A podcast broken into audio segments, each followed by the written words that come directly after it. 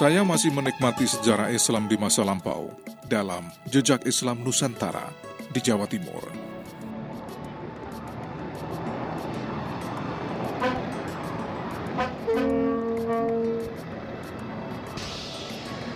Kemarin saya sudah berkunjung ke komplek pemakaman muslim di zaman Majapahit, tepatnya di Troloyo, Trowulan, Kabupaten Mojokerto, dan kini saya beranjak ke barat sekitar 20 km, tepatnya ke wilayah Jombang.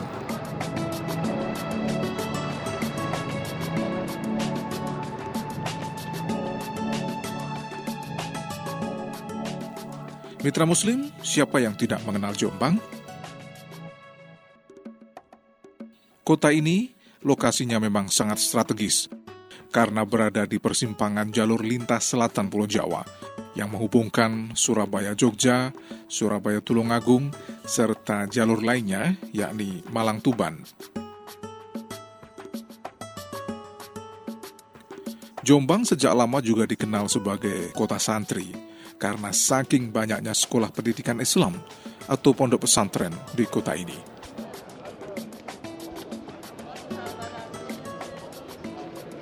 Bahkan ada pameo yang menyatakan Jombang adalah pusat pondok pesantren di tanah Jawa. Karena hampir seluruh pendiri pesantren di Jawa pasti pernah berguru di Jombang. Beberapa pondok pesantren yang cukup dikenal masyarakat selama ini misalnya adalah Tebu Ireng, Denanyar, Tambak Beras, dan pondok pesantren Darul Ulum.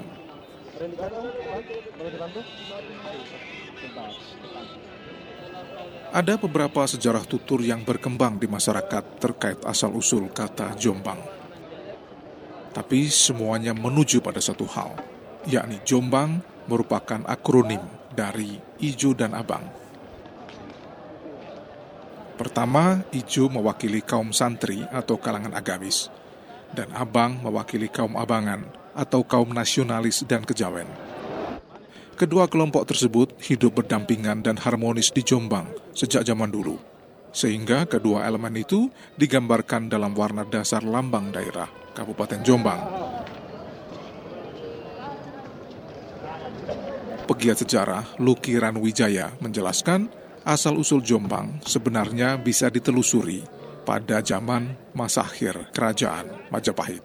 Ketika Raden Pata berusaha untuk mengingatkan ayahandanya agar tidak lengser ke Prabon karena ada itikat dari Gerindra Wardana dari Kediri untuk menduduki Majapahit kemudian terjadi satu friksi-friksi sehingga kemudian Raden Patah dibantu oleh pasukan dari ibundanya dari Campa akhirnya berusaha untuk mengingatkan ayahandanya. Nah pada saat itulah bahwa pasukan Campa itu menggunakan tanda kebesaran warna merah atau abang dan pasukan Raden Patah dengan tanda kebesaran hijau atau hijau sehingga memunculkan uh, satu paduan warna Jombang.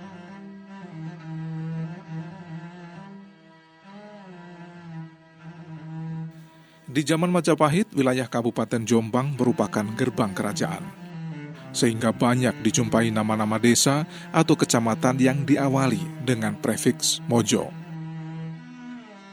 Di antaranya adalah Mojo Agung, Mojo Warno, Mojo Jejer, Mojo Tengah, Mojo Ngapit, dan lain-lain.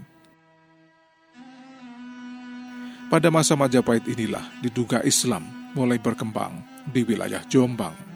Ternyata Prabu Jayanegara yang diduga mempunyai penasihat spiritual orang Iran yang lebih dikenal dengan Syekh Abdul Rahman Hadi atau Syekh Maulana Rohman atau orang setempat mengatakan Syekh Hadi Sidomulyo itu masih ada situs peninggalannya, situs pemakamannya di desa Dukuh Dimoro, Mojoagung, perbatasan dengan Trowulan sebagai ibu kota kerajaan Majapahit.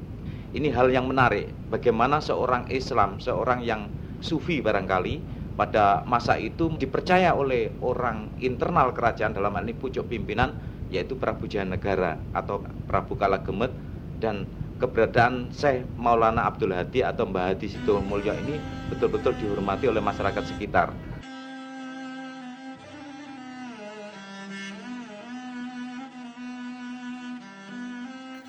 Menyusul runtuhnya Majapahit, Jombang lalu menjadi bagian dari kerajaan Mataram.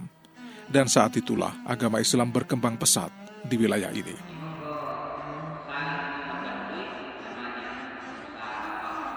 Perkembangannya bahkan semakin masif ketika pada 26 Rabiul Awal 1317 Hijriah atau 1899 Masehi Kiai Haji Hasim Asyari bersama teman-teman seperjuangannya seperti Kiai Abbas Buntet, Kiai Soleh Bendokerep, Kiai Samsuri Wanantoro, dan beberapa kiai lainnya mendirikan pondok pesantren Tebu Ireng.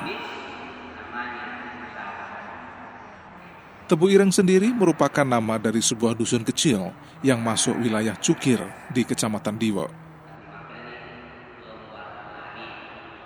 Awalnya santri Pondok Tebu Ireng hanya 28 orang dan kegiatan dakwah Kiai Hasim dipusatkan di sebuah bangunan kecil seluas 6 kali 8 meter berdinding anyaman bambu bekas sebuah warung. Menurut penuturan pimpinan Pondok Pesantren Tebu Ireng yang juga cucu Kiai Hasim, yakni Gus Solah, Tebu Ireng pada waktu itu memang merupakan daerah yang cukup rawan pabrik gula tentunya kalau pada waktu orang terima gaji ya biasanya dia pakai untuk hal-hal yang hura-hura gitu ya. Apakah minum, main, dan lain-lain gitu. Di pondok pesantren Tebu Ireng inilah Kiai Haji Hasim Asari memulai sebuah tradisi yang kemudian menjadi salah satu ciri khas dan keistimewaannya, yaitu menghatamkan kitab Al-Bukhari dan Muslim yang dilaksanakan setiap bulan suci Ramadan. Biasanya acara itu diikuti oleh ratusan kiai yang datang dari berbagai wilayah di Indonesia. Pada waktu awal berdiri, semua bentuk pengajaran di pondok tidak dibedakan dalam jenjang kelas. Kenaikan tingkat pendidikan dinyatakan dengan bergantinya kitab yang khatam dikaji dan diikuti oleh para santri. Materi pelajarannya pun cukup berkisar tentang pengetahuan agama Islam, ilmu syariat dan bahasa Arab, seperti misi sesungguhnya berdirinya sebuah pondok pesantren.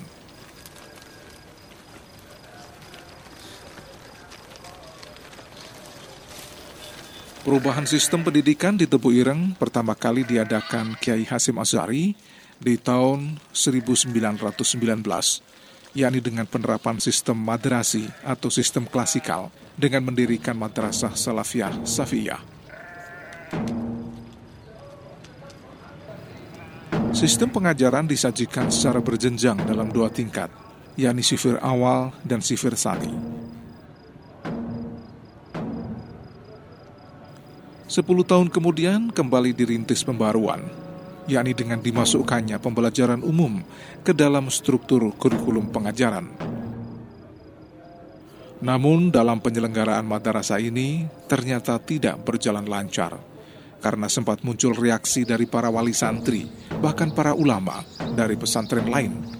Karena mempelajari pelajaran umum saat itu dianggap sebagai sebuah kemungkaran, adaptasi budaya Belanda, serta anggapan miring lainnya. Akibatnya, banyak wali santri yang memindahkan putranya ke pondok pesantren lain. Namun madrasah di Tebu Ireng berjalan terus karena disadari bahwa pada saatnya ilmu umum akan sangat diperlukan bagi lulusan pesantren. Seperti dikisahkan penulis biografi Kiai Haji Asem Azari, Zuhairi Bisrawi pesantren Tubuh Ireng itu pada akhirnya mengalami proses transformasi ya, di mana kemudian dimasukkan kurikulum modern di situ, dipelajari bahasa Inggris, bahasa Belanda, matematika, fisika, yang lain-lain. Ini yang menarik sebenarnya potret dari pesantren NU yaitu memadukan antara tradisi dan kemodernan. Bahkan dikabarkan Kewet Hasim itu mengeluarkan uang yang besar untuk membeli buku-buku sehingga pada masanya perpustakaan di Tubuireng itu perpustakaan terbesar kedua setelah perpustakaan nasional di Jakarta begitu. Banyak peneliti yang datang ke Tubuireng itu untuk meneliti berbagai banyak disiplin ilmu pengetahuan.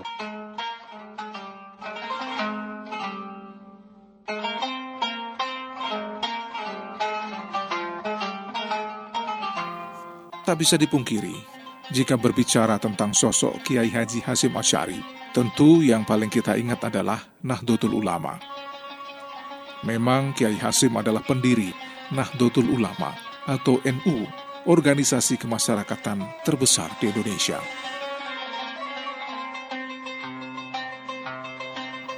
Sejarah mencatat, sejumlah ulama besar tanah air pada tanggal 16 Sa'ban 1344 Hijriah atau 31 Januari 1926 Masehi di Jombang didirikan Jamiyah Nahdlatul Ulama atau Kebangkitan Ulama.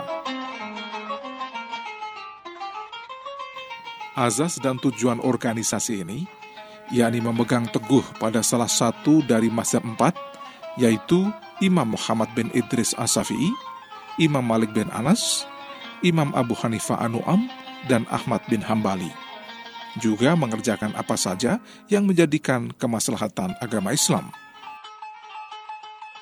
Kiai Haji Hasim Asari saat itu terpilih menjadi Rois Akbar Nahdlatul Ulama.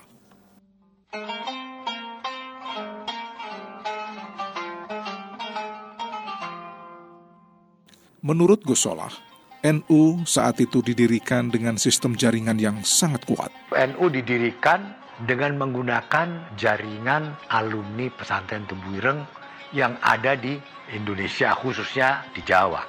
Nah jaringan-jaringan inilah yang akhirnya kemudian menimbulkan cabang-cabang NU di berbagai tempat.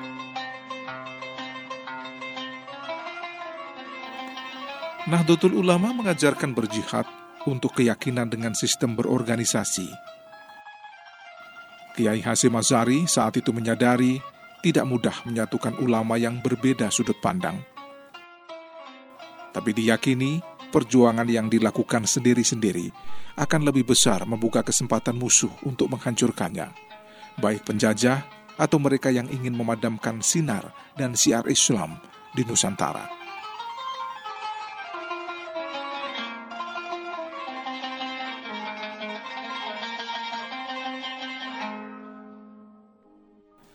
Masa-masa revolusi fisik di tahun 1940 merupakan kurun waktu yang sangat berat bagi Kiai Haji Hasim Asyari.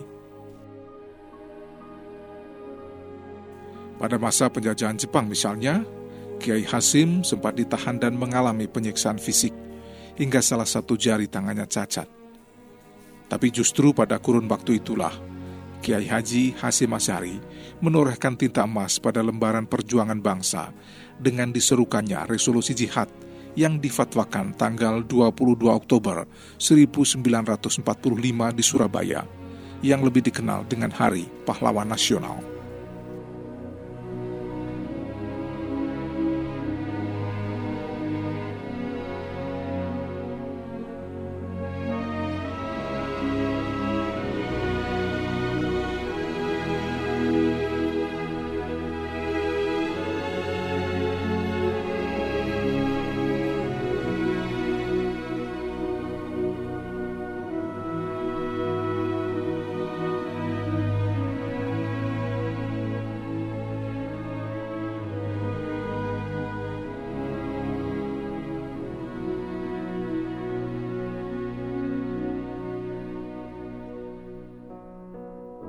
Kiai Haji Hasim Asyari, wafat 25 Juli 1947, bertepatan dengan 7 Ramadan 1366 Hijriah.